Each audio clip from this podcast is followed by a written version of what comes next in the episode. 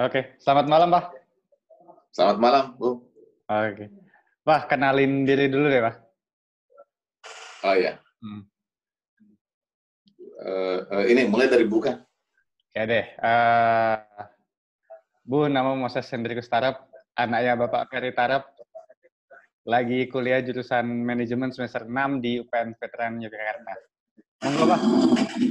Kenalin ya. diri. Uh, saya Ferry Safir Ferry Tarop, bekerja di di PT International Primacol, subsidiary dari PT Bukit Asam, salah satu holding main ID. Oke, okay, itu uh, jabatan General Manager. Kalau di, di International Primacol. Kalau di pekerjaan di mining ini udah berapa tahun, Pak? Uh, mining sudah sekitar 24 tahun. Hmm, berarti 25, hampir 25 tahun. Berarti masalah bisnis, berarti masalah bisnis baik hulu, hilir ataupun masalah eksplorasinya ngerti ya, Pak? Ah uh, ya, sangat. Ya mengerti, mengerti. Mengerti. Oke, okay, oke, okay, oke. Okay. Gini Pak, di sini kan mau ngobrol mas masalah ini pertambangan Indonesia dan di sini kan Papa juga bekerja di bawah holding Mind ID yang mana merupakan holding company BUMN di bidang batubara. Nanti juga akan menyinggung sedikit masalah BUMN Pak ya. Iya, yeah, iya. Yeah. Tapi mostly kita akan ngomongin masalah pertambangan Indonesia Pak. Iya, yeah, iya. Yeah. Uh, bisa cerita nggak Pak sebenarnya tambang batubara itu ngapain sih? Core bisnisnya nggak oh, iya. lebih tepatnya? Jadi sebenarnya sangat sederhana. Sangat sederhana itu eh, sebenarnya awalnya itu adalah harus kalau kita mau mulai menambang itu harus ada izin dulu. Jadi yang penting dari semua itu adalah izin. Izin pertama itu biasanya namanya izin IUP eksplorasi. IUP eksplorasi, kemudian IUP eh, itu di IUP izin usaha pertambangan eksplorasi tapi hmm. jadi dia masih bersifat eksplorasi hmm. itu belum ada aktivitas uh, eksploitasi gitu ya belum yeah. ada oh, harus digali tapi yang jelas itu untuk eksplorasi dulu itu punya jangka waktu tertentu, biasanya sampai lima tahunan. Kemudian eh, setelah eksplorasi itu dirasa bahwa eh, mainable atau apa layak untuk ditambah, hmm. baru eh, dilanjutkan ke pengurusan izin yang ke atasnya adalah izin eh, operasi produksi.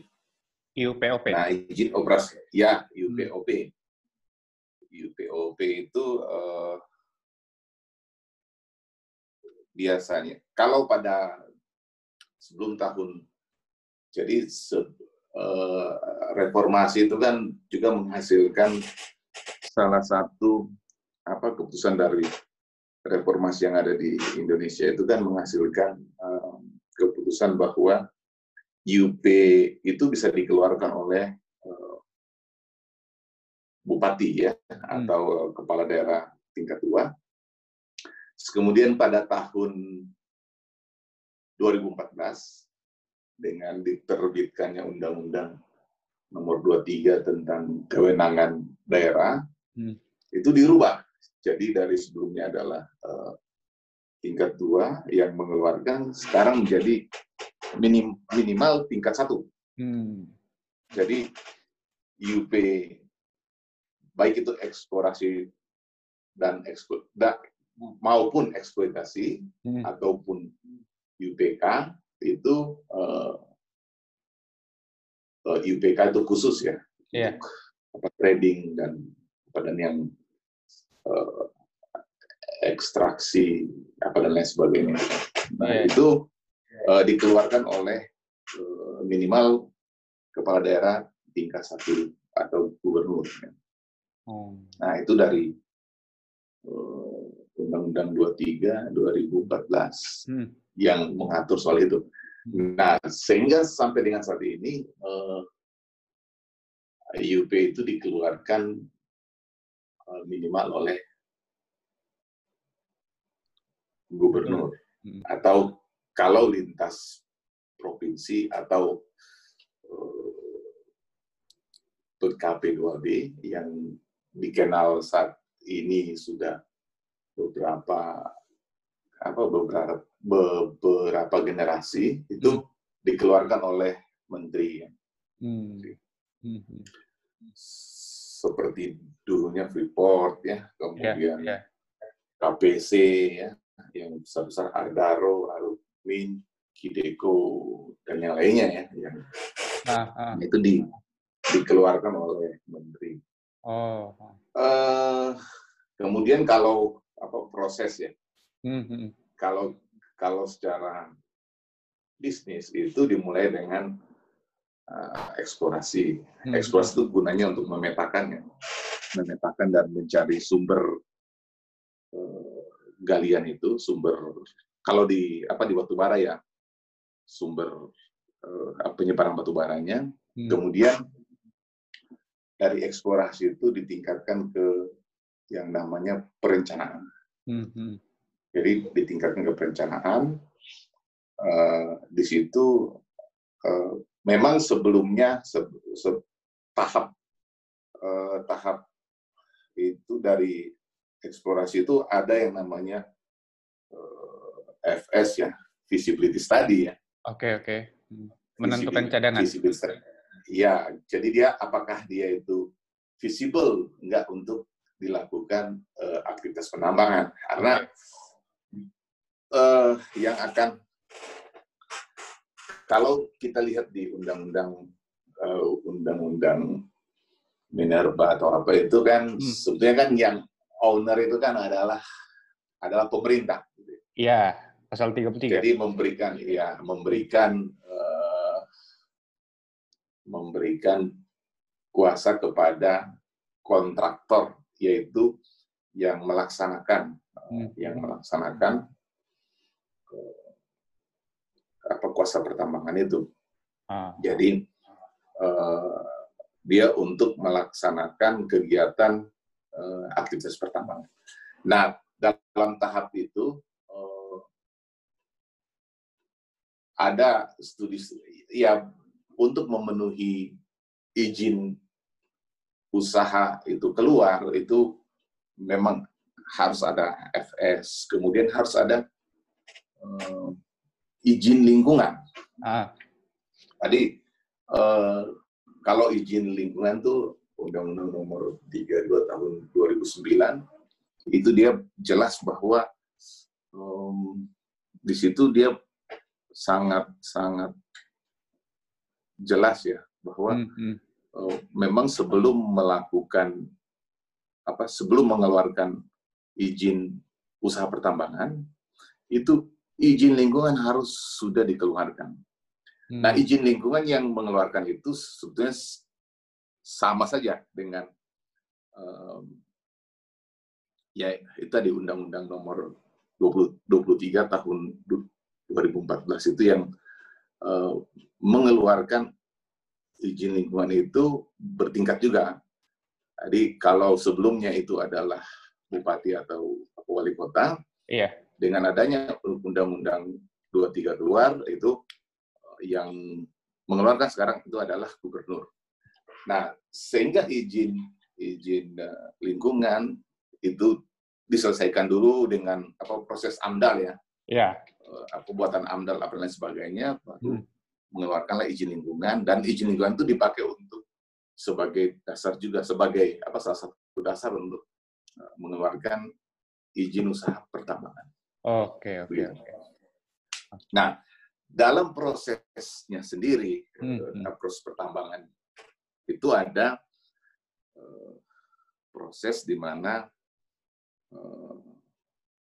ada awalnya perencanaan, hmm. oke, okay, kemudian penambangan, hmm. aktivitas penambangan, aktif, aktivitas penambangan itu aktivitas di mana uh, apa namanya uh, gali tanah, Yeah. Kemudian ambil batu bara. Oke. Okay. Kemudian uh, oke, okay, ambil ambil batu bara itu misalnya kalau di uh, umumnya itu di disebut dengan namanya uh, namanya coal gating. Hmm. Coal gating, kemudian uh, apa proses uh, pengangkutan ke stockpile, hmm. kemudian dari stockpile biasanya dilakukan resizing, uh, di uh, uh, apa seragamkan ya okay. ukuran butirnya uh, uh. dengan biasanya dengan menggunakan apa namanya crusher ya hmm. dengan crusher kemudian um, oh ini kalau bisa di share itu bisa apa apa bisa share apa gambarnya tapi ya ini nanti aja. Oke okay, oke okay, oke. Okay. Jadi intinya sih setelah di uh, kemudian ditumpuk lalu dijual. Hmm. Dijual ya bisa saja dijualnya apa namanya poin penjualannya bisa saja di di stockpile hmm. atau bisa juga di um, dump truck juga bisa juga. Hmm. Kemudian di mother vessel juga bisa atau sampai bahkan sampai ke tempat apa tujuannya juga bisa. Okay, okay. Untuk uh, apa proses uh, apa namanya proses supply chain uh, apa ya? transaksinya. Oke okay, ya, oke. Okay. Ya. Uh, jadi kalau secara sederhana tuh kita gali tambang, kita proses, kita jual.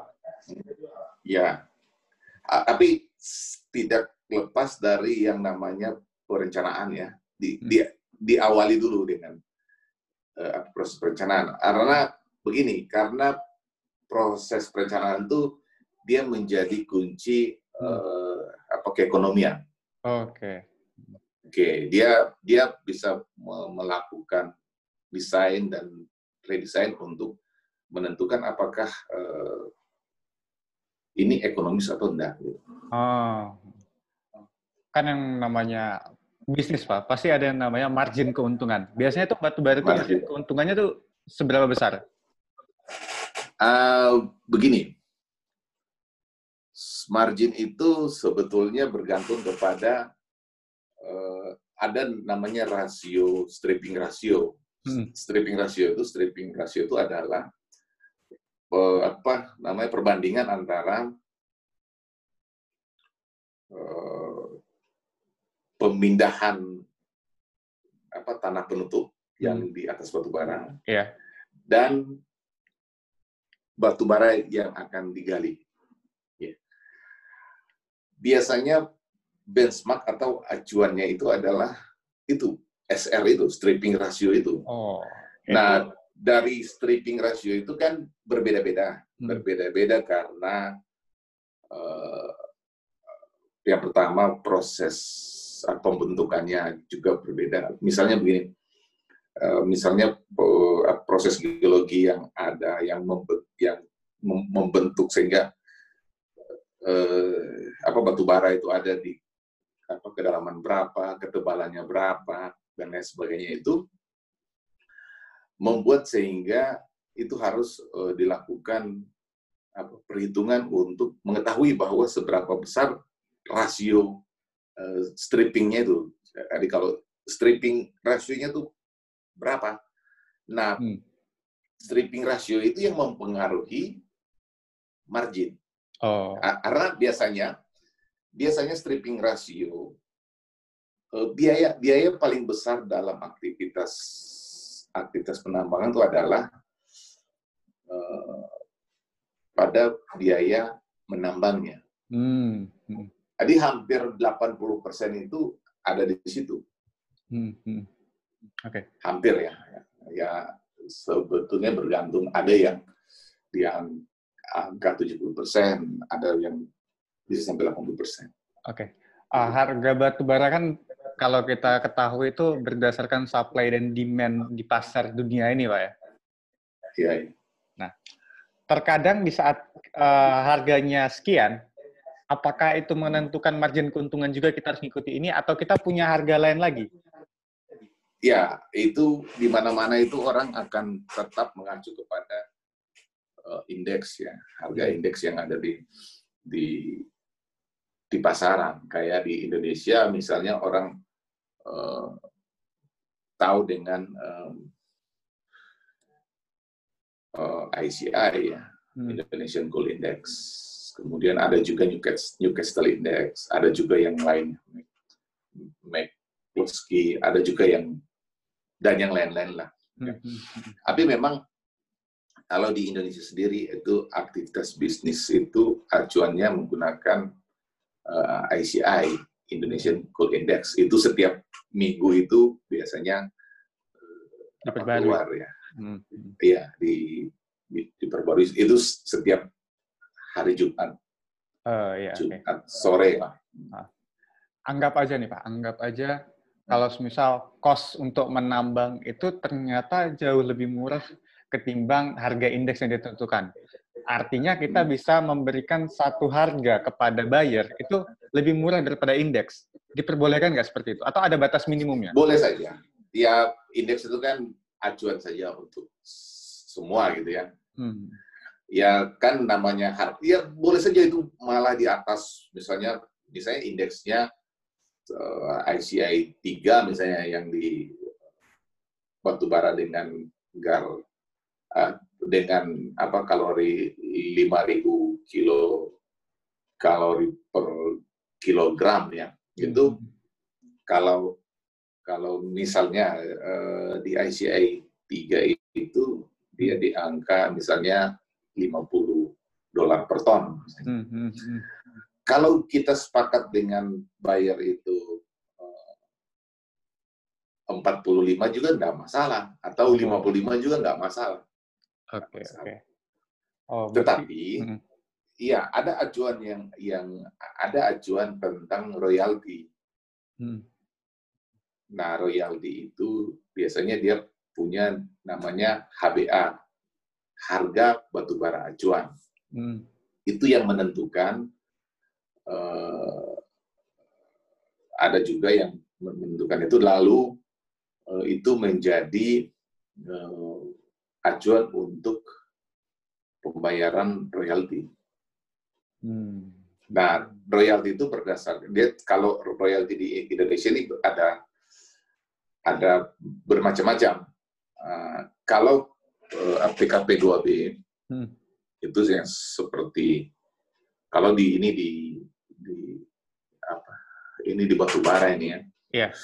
Seperti seperti KPC, uh. seperti Adaro, Kideko, Brokol yang besar-besar lah ya. Yeah. Nah, itu uh, PKP 2B itu PKP 2B, PKP perjanjian kerja, PKP uh, intinya dia mengikat langsung ke pemerintah pusat hmm. dengan uh, jangka waktu yang relatif panjang dan um, wilayahnya itu punya apa potensi yang besar.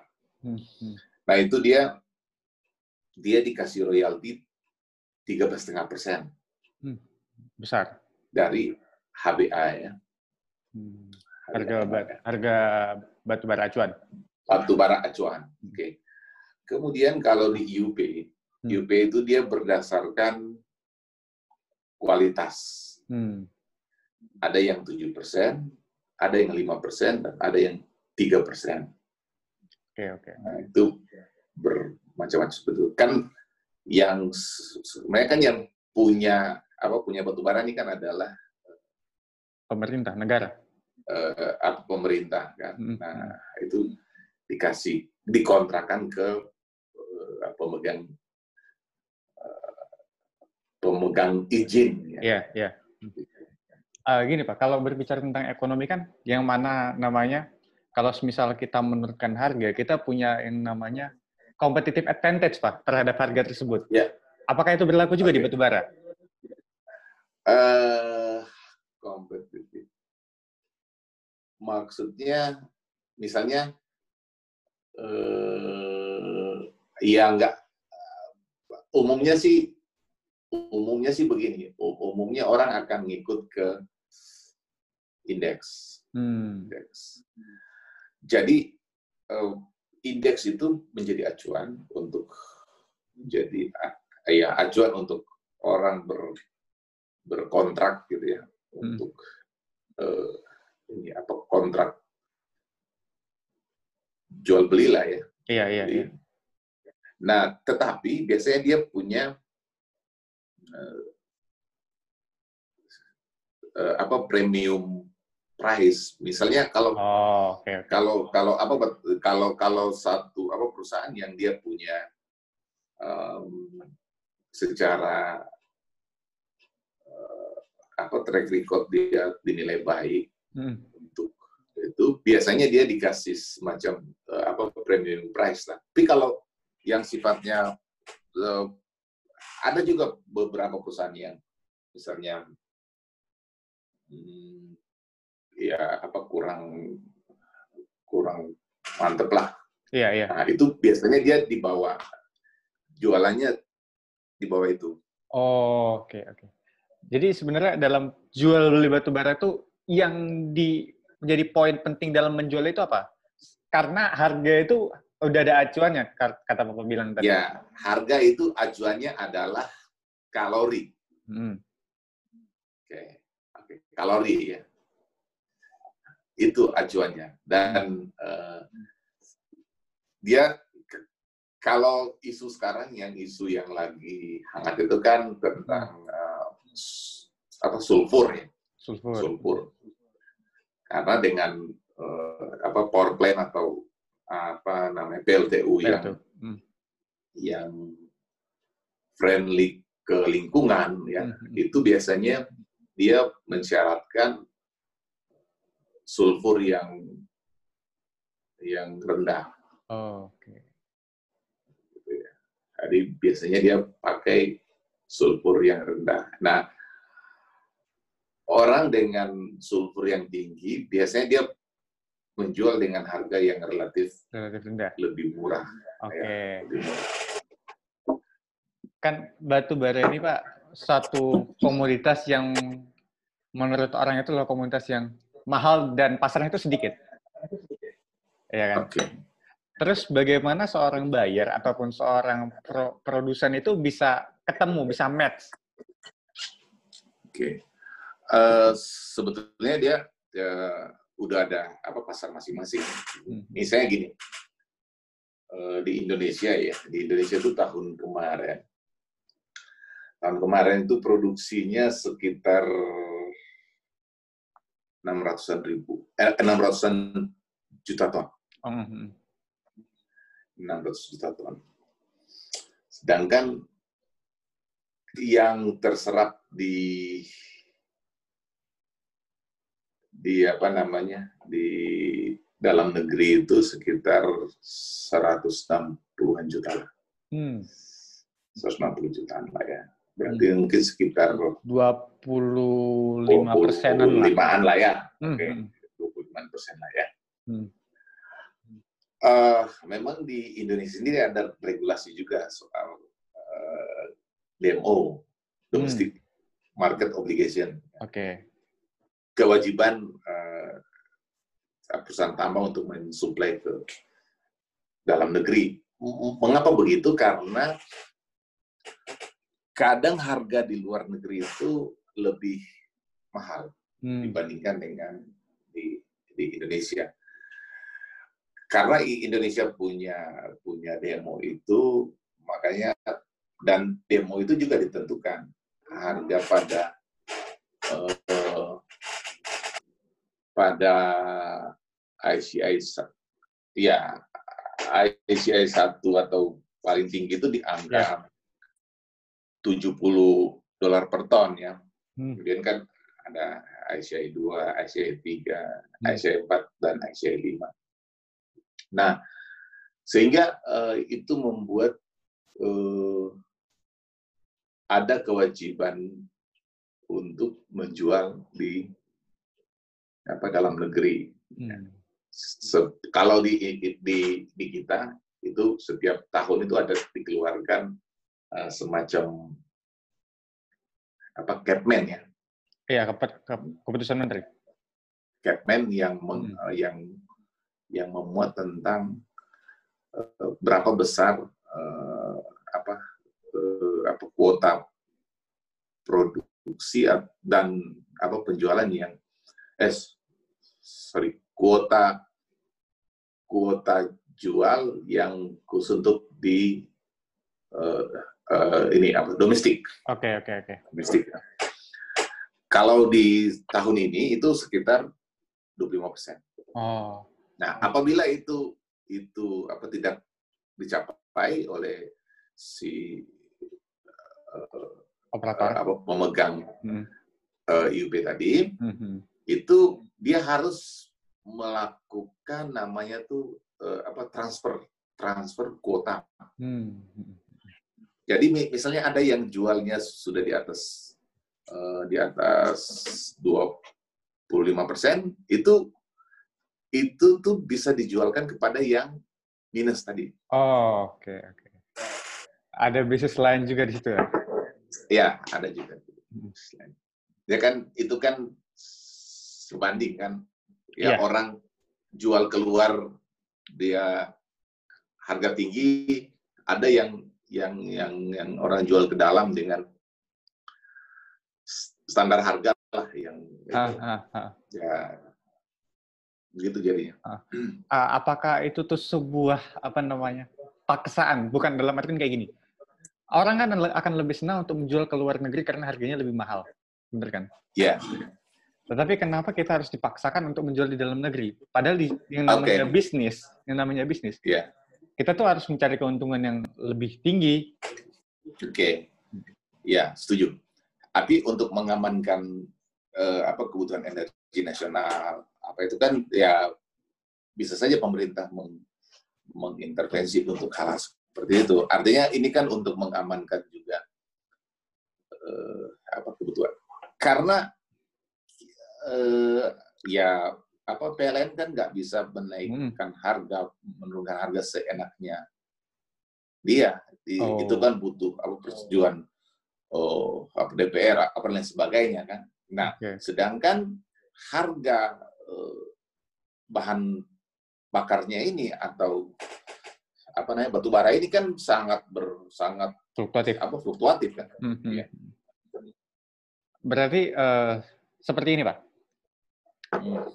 Kemarin kan kita tahu keputusan-keputusan dari Pak Presiden ngomongnya ini kalau untuk di minyak setiap tiga bulan sekali harga bahan bakar minyak non subsidi itu akan berubah nah. mengikuti harga pasar. Ya. Kalau PLN mungkin nggak seperti itu? Ya, kalau minyak itu kan kalau non subsidi itu apalagi industri itu setiap dua minggu sekali, hmm. dua minggu sekali itu ada acuan harga dari Pertamina. Hmm. hmm, hmm. Tapi kalau kalau di itu kan hajat hidup orang banyak ya. Iya, kalau iya. PLN kan ya nggak nggak bisa seperti itu karena akan akan punya apa namanya gejolak dan sampai saat ini juga kan kita tahu bahwa uh, apa PLN kan disubsidi kan hmm. disubsidi karena memang dia menguasai hajat hidup banyak. Nah Indonesia beruntung sekali bisa bisa punya satu tarif ya. Iya iya. Nah kalau di apa negara-negara lain belum tentu. Iya. Misalnya di, ya. Uh, misalnya di di ini apa Filipina, dia yeah. setiap jaringannya itu punya uh, apa tarif yang berbeda-beda. Oke. Okay. Hmm. Di Amerika itu. PLN itu kontraktor swasta, Pak? Ah, ya. Kalau di kita juga ada juga. Hmm.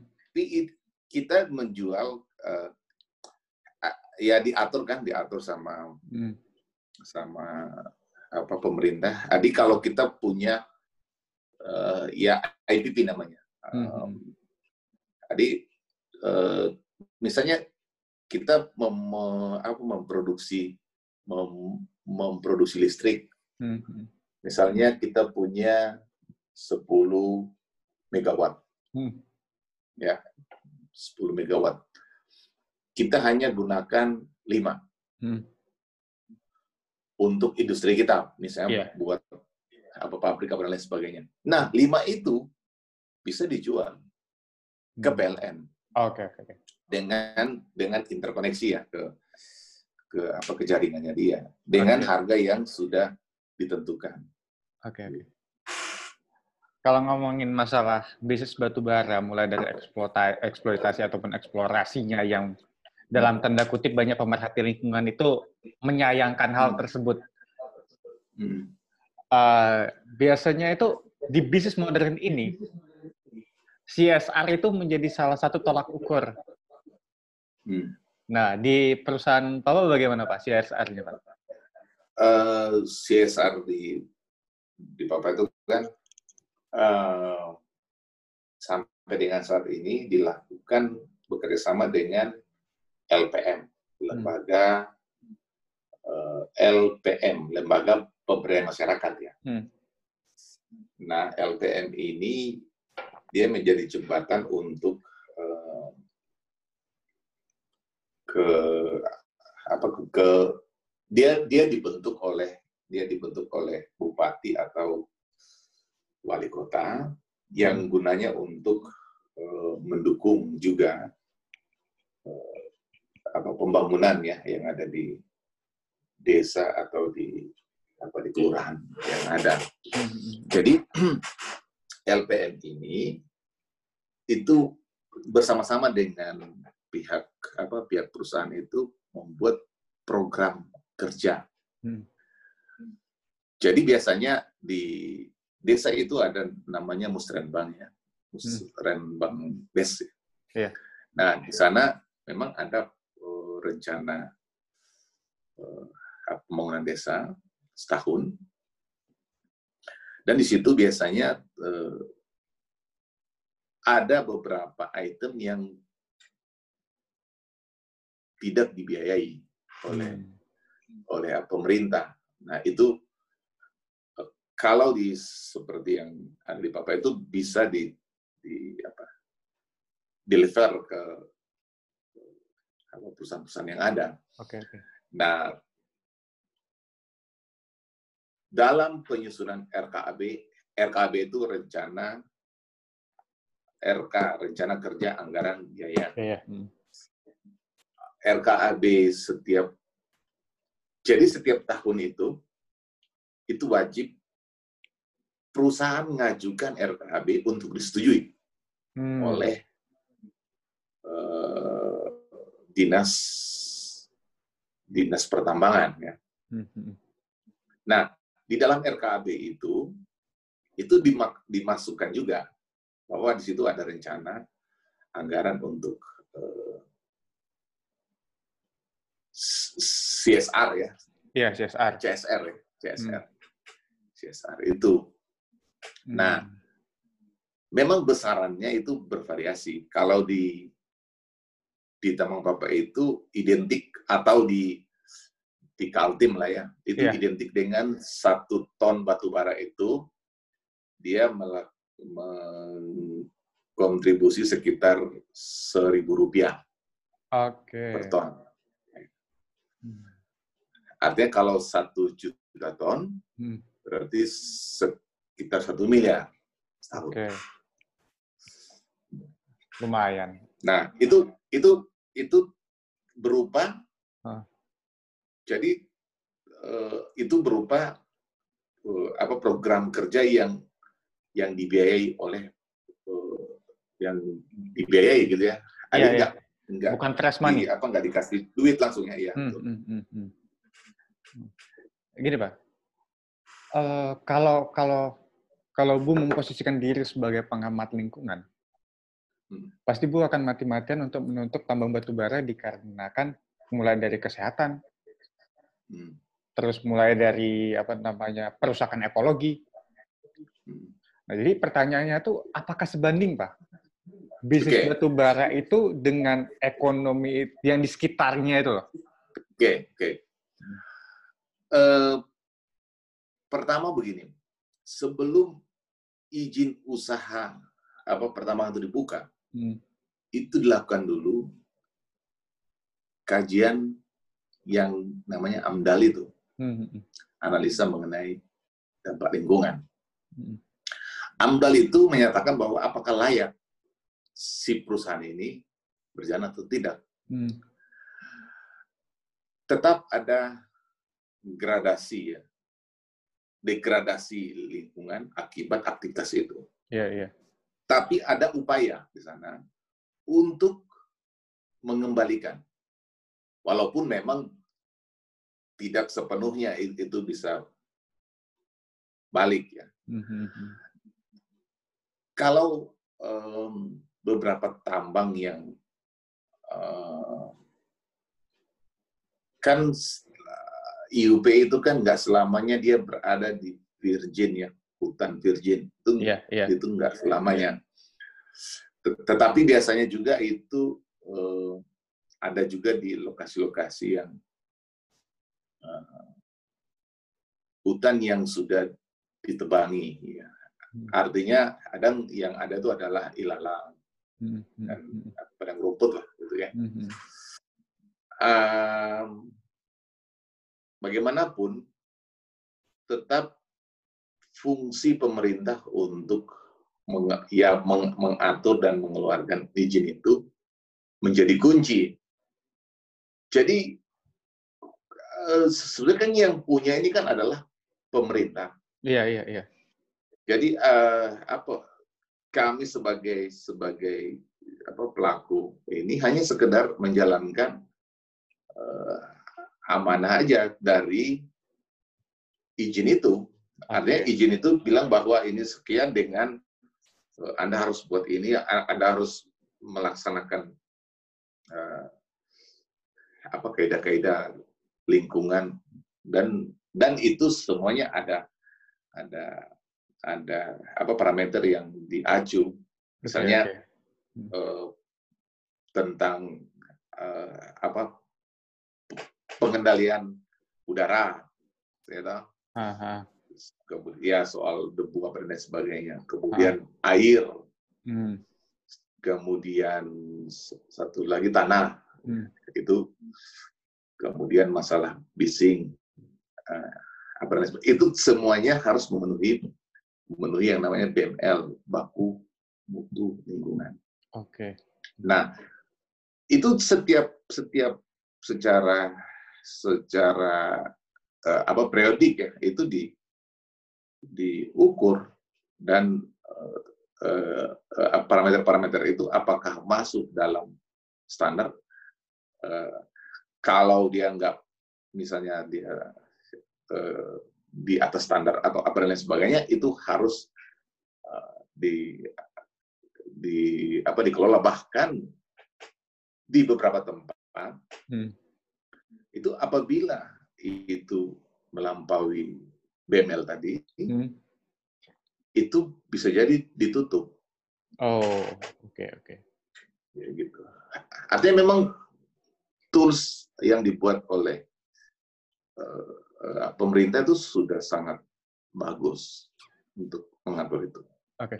Berarti kalau secara apa namanya, secara peraturan ataupun secara tools yang mereka pakai kementerian atau pemerintah pakai itu sudah sangat baik untuk mengendalikan lingkungan. Iya, betul. Tapi kalau kita melihat prakteknya, apakah ada perusahaan yang nakal atau mungkin malah dinasnya yang nakal?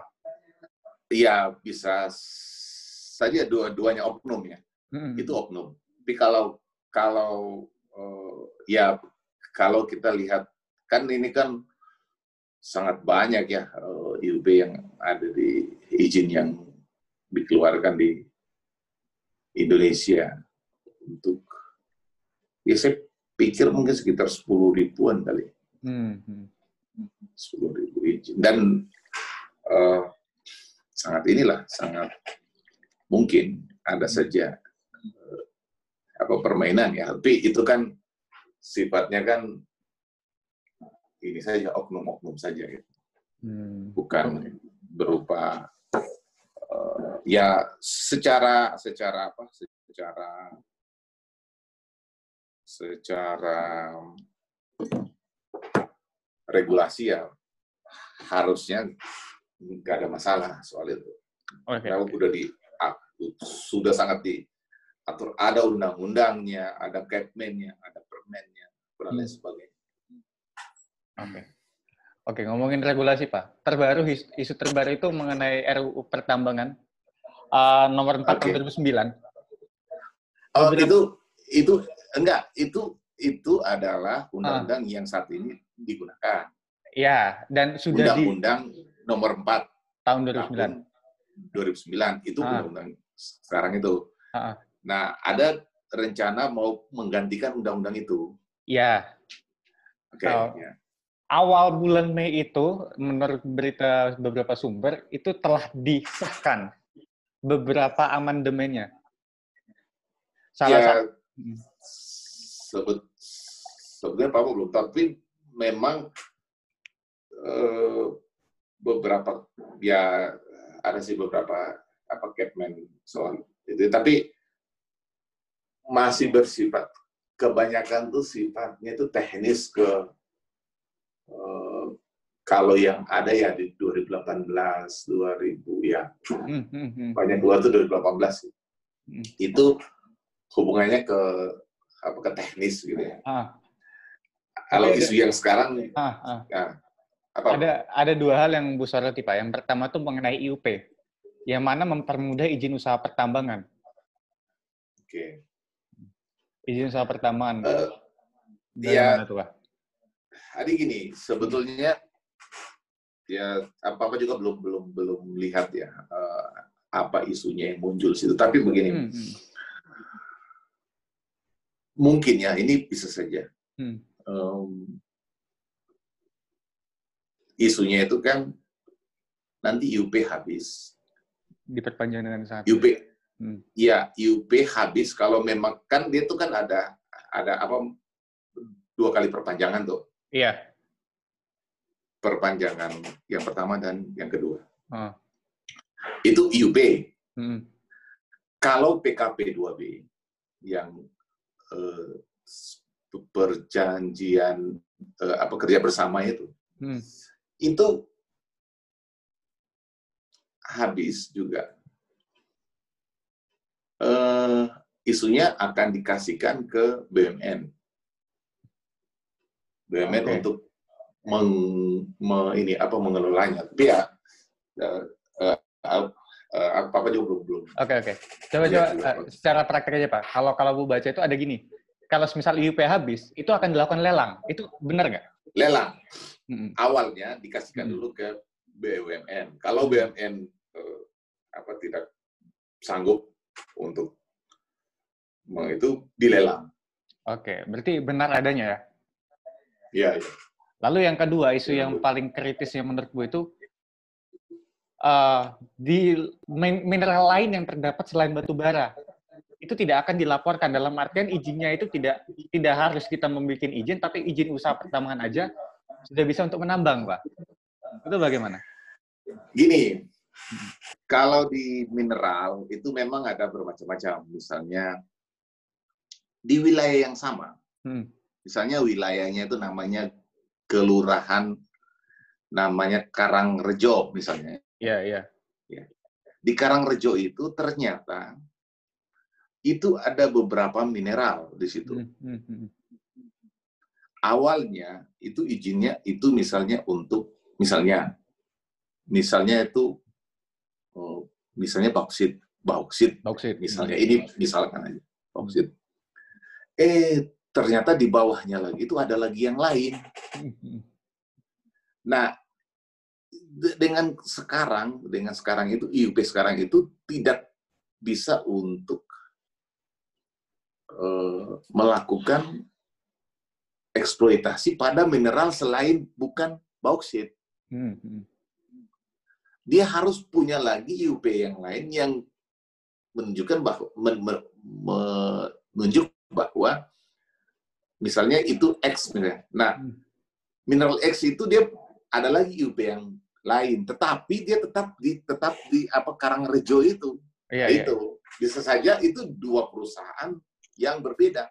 Okay. Nah, mungkin itu menjadi case di mana ada uh, selisih apa dan lain sebagainya sehingga diputuskan bahwa daripada itu menjadi masalah lahan yang sama itu dikerjakan oleh pemegang hiup yang itu. Oke, okay, oke. Okay. Yang, yang itu saja.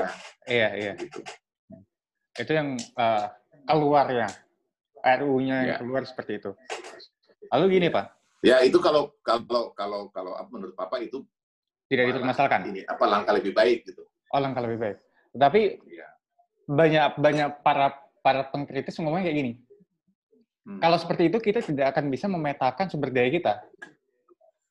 Enggak begitu, hmm. enggak begitu. Karena tetap itu kan menjadi, ya itu kan berpikir dari sisi negatif. Tapi hmm. sebetulnya kan kalau memetakan itu kan ada eksplorasi apa dan sebagainya yang yang yang dilaporkan gitu kan. Hmm. Jadi menurut apa sih enggak enggak masalah soal itu.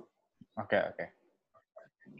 Kalau ngomongin aftermain, Pak, setelah kita menambang, salah satu ya. rancangan undang-undang tersebut punya poin kritiknya begini. Kalau udah selesai ditambang, ditutup, izin usahanya itu bisa diganti namakan, lalu lahan itu bisa digunakan tempat wisata. Bagaimana Pak? Iya, macam-macam. Hmm. Tapi begini, sebetulnya bergantung kepada RT RW, rencana tata ruang wilayah hmm. dari daerah itu. Apakah dia dimungkinkan? Itu dulu yang penting. Hmm. Karena RT RW itu bisa saja bilang bahwa itu adalah daerah nantinya itu adalah daerah misalnya ini pertanian yang nggak hmm. bisa kita atau apa perkebunan ya. Nggak bisa. Tapi kalau RT RW-nya bilang bahwa daerah itu adalah masuk dalam daerah APL atau untuk penggunaan produksi. ini lainnya hmm. itu bisa saja. Hmm. bisa saja. Tapi uh, karena gini uh, di daerah juga dia punya aturan. Ya memang sih seharusnya dia mendukung kepada uh, pemerintah pusat ya hmm. ya undang-undang kan yang yang apa yang buat kan pemerintah pusat tetapi pergub juga ada Kemudian di bawahnya itu juga ada uh, ini uh, apa per Bob misalnya yang bilang bahwa ini uh, apa lahan ini ya untuk apa. Nah itu juga ada ada bisa saja kalau itu nggak masuk dalam dalam RT RW-nya pemerintah provinsi apa daerah ya hmm. itu nggak bisa juga Okay. Tapi semuanya mungkin saja. Hmm. Tanpa ada RUU itu pun sebenarnya mungkin saja, Pak. Ya, ini udah hampir uh, ini waktunya.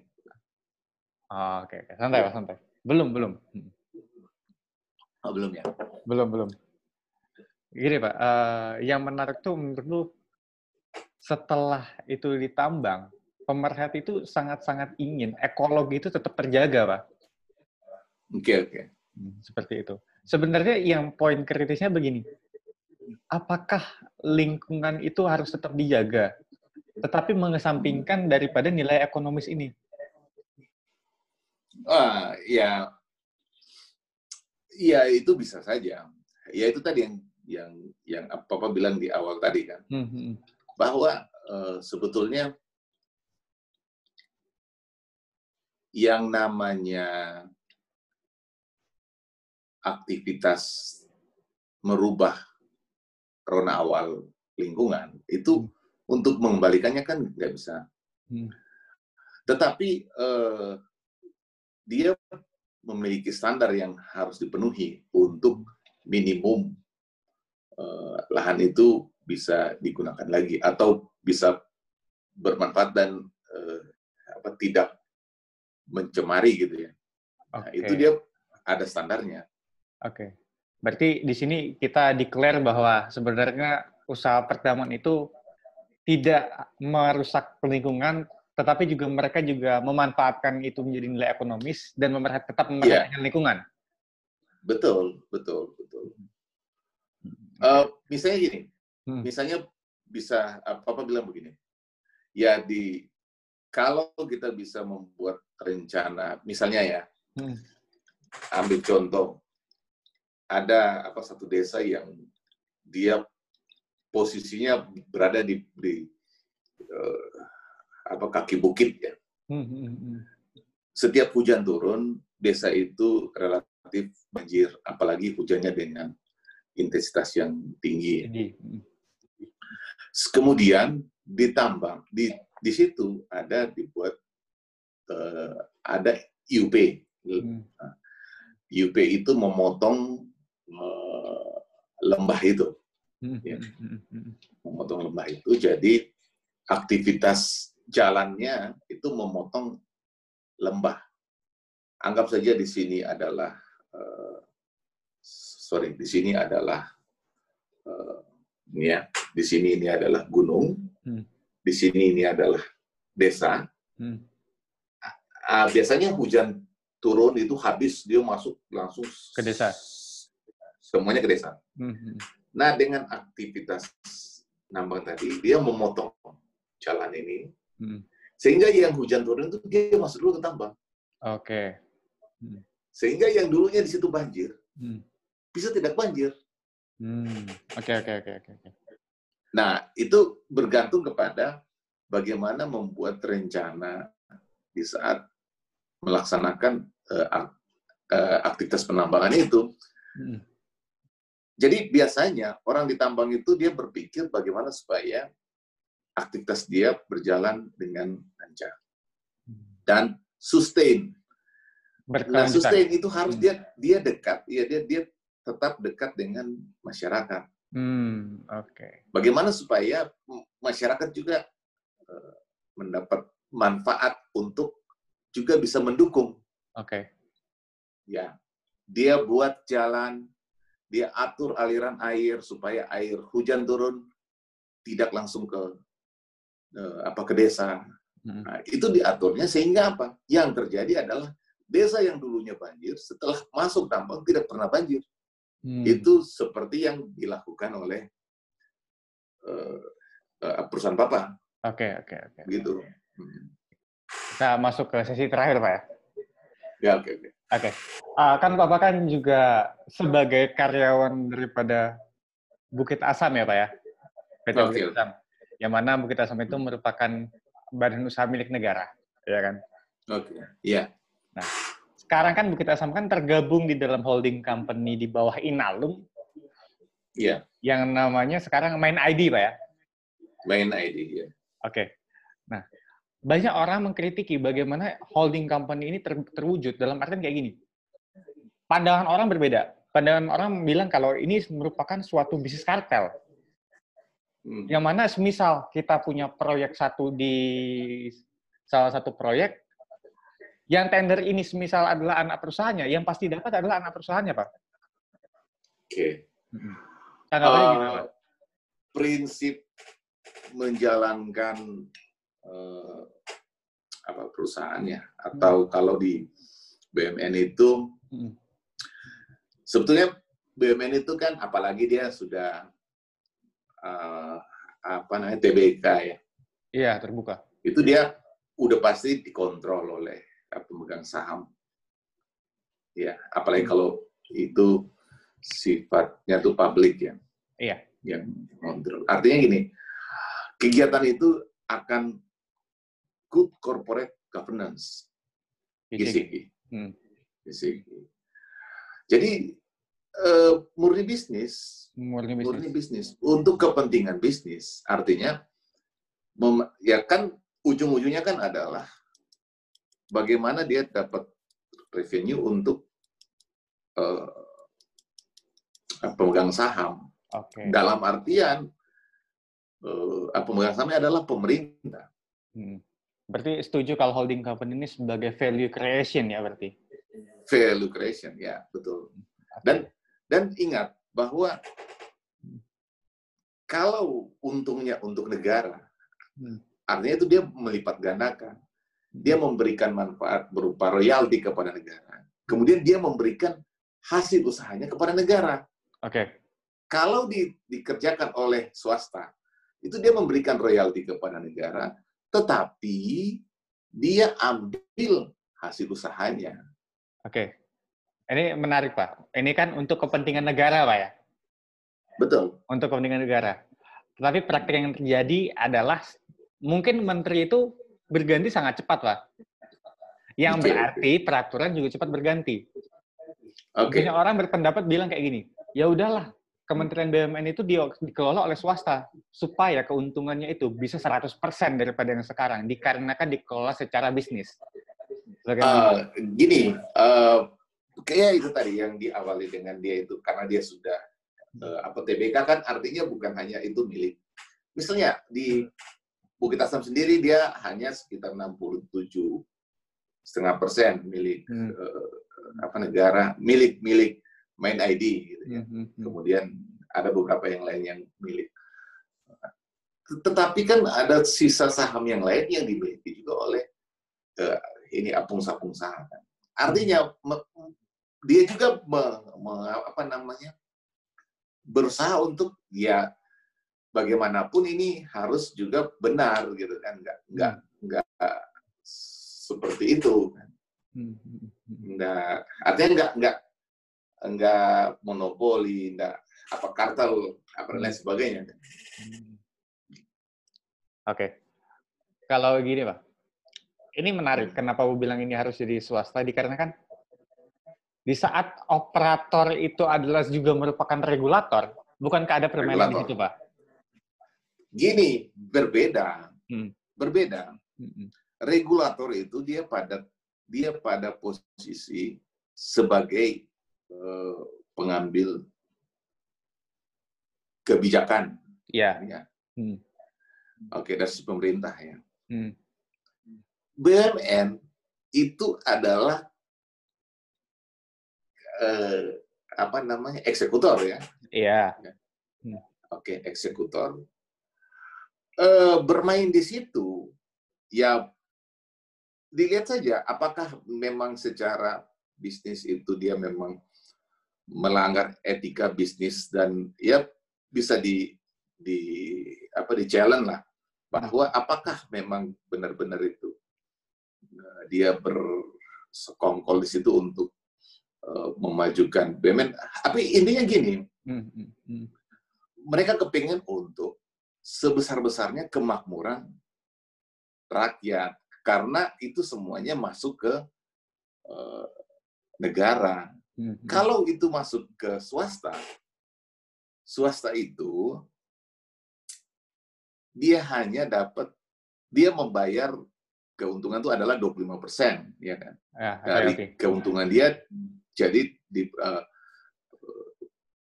uh, ini APBH badan kan. Oke oke oke. Oke.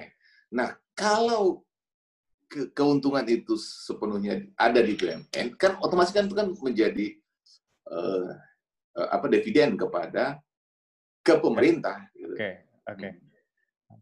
Tapi kan yang menarik gini Pak, di saat uh, regulator mengeluarkan peraturan, tentu kajiannya itu melihat operator. Operatornya kalau BUMN, dia akan melihat tidak akan merugikan BUMN, Pak. Iya. Hmm. Ya, ingat tapi memang memang biasanya begitu. Untuk apa? Untuk negara juga. Hmm. Oke. Okay. Berarti kalau kita Jadi melihat, ya, uh, melihat dari sudut pandang pemerintah itu sangat-sangat menguntungkan, Pak. Sangat menguntungkan. Ya kalau kalau menurut Papa sih apakah uh, mau mau berpihak kepada swasta atau hmm. Ke apa ke rakyat banyak kan? Oke. Okay. Karena ini intinya kalau kalau bisnis itu adalah uh, dipegang oleh uh, apa punya keuntungan untuk BUMN, ya otomatis kan uang itu kan akan masuk ke uh, apa ke negara. Hmm. Nah persoalannya mengontrolnya itu kan ada ada juga mekanisme BPK, KPK. Hmm. Hmm. Dia masuk situ untuk eh, ya kalau misalnya itu ada uh, uh, apa kriminal apa dan sebagainya kan masuk. Ya kan? Oke. Okay. Kalau dilihat dari kesehatan bisnis sehat nggak pak? Ya sebetulnya sih bisa juga nggak sehat. Hmm. Tetapi yang penting begini, hmm. ini uh, apa tujuannya? Gitu kan? Hmm. Apakah untuk memajukan bisnis sebagian orang, hmm. atau malah untuk ke kesejahteraan? Oke. Okay. Kesejahteraan uh, masyarakat ya. Hmm. Oke. Okay. Jadi hmm. sekarang pertanyaan terakhir pak. Ya. Kita tutup pertanyaan ini dengan uh, apa namanya tanggapan papa mengenai pasal 33 pak. Oke. Okay. Bagaimana royalti? Bagaimana Pak? Okay. Pasal 33 itu apakah dia dapat memajukan hajat hidup orang banyak sesuai dengan tujuannya? Tetapi okay. di satu sisi itu... sekarang itu belum berdampak, Pak. Oke. Okay. Tadi gini, hajat hidup orang banyak apa di pasal 33 itu utamanya yang di ayat 3 ya. Hmm. Ayat 3 itu bumi, air, dan gen alam yang terkan di dalamnya dikuasai oleh negara. Hmm. Kita punya lahan seluas 2 hektar lahan itu hak milik di kita. Gitu ya. Tetapi bumi, air, dan ikan yang ada dalamnya itu bukan milik kita. Hmm, hmm. Ya, sehingga itu adalah milik negara, milik negara. Hmm. Sehingga kita hanya menguasai lahannya saja. Apa yang ada di dalamnya itu bukan milik kita. Itu sangat sangat penting karena kalau tidak ada pasal itu, itu kita menguasai lahan ini otomatis itu milik kita semuanya, hmm. ya kan? Hmm. Nah persoalannya, apakah itu sudah? Sebetulnya tidak ada masalah. Kalau kita mau ganti undang, itu kan soal besaran royalti. Hmm. Bagaimana mengaturnya supaya itu bermanfaat untuk kita. Nah, tinggal keputusan keputusan politik ya. Hmm, hmm, hmm. Apakah mau membesarkan itu? Persoalannya kalau kita membesarkan itu, apakah ada orang mau untuk membayar, melaksanakan itu? Hmm. Itu lagi masalahnya.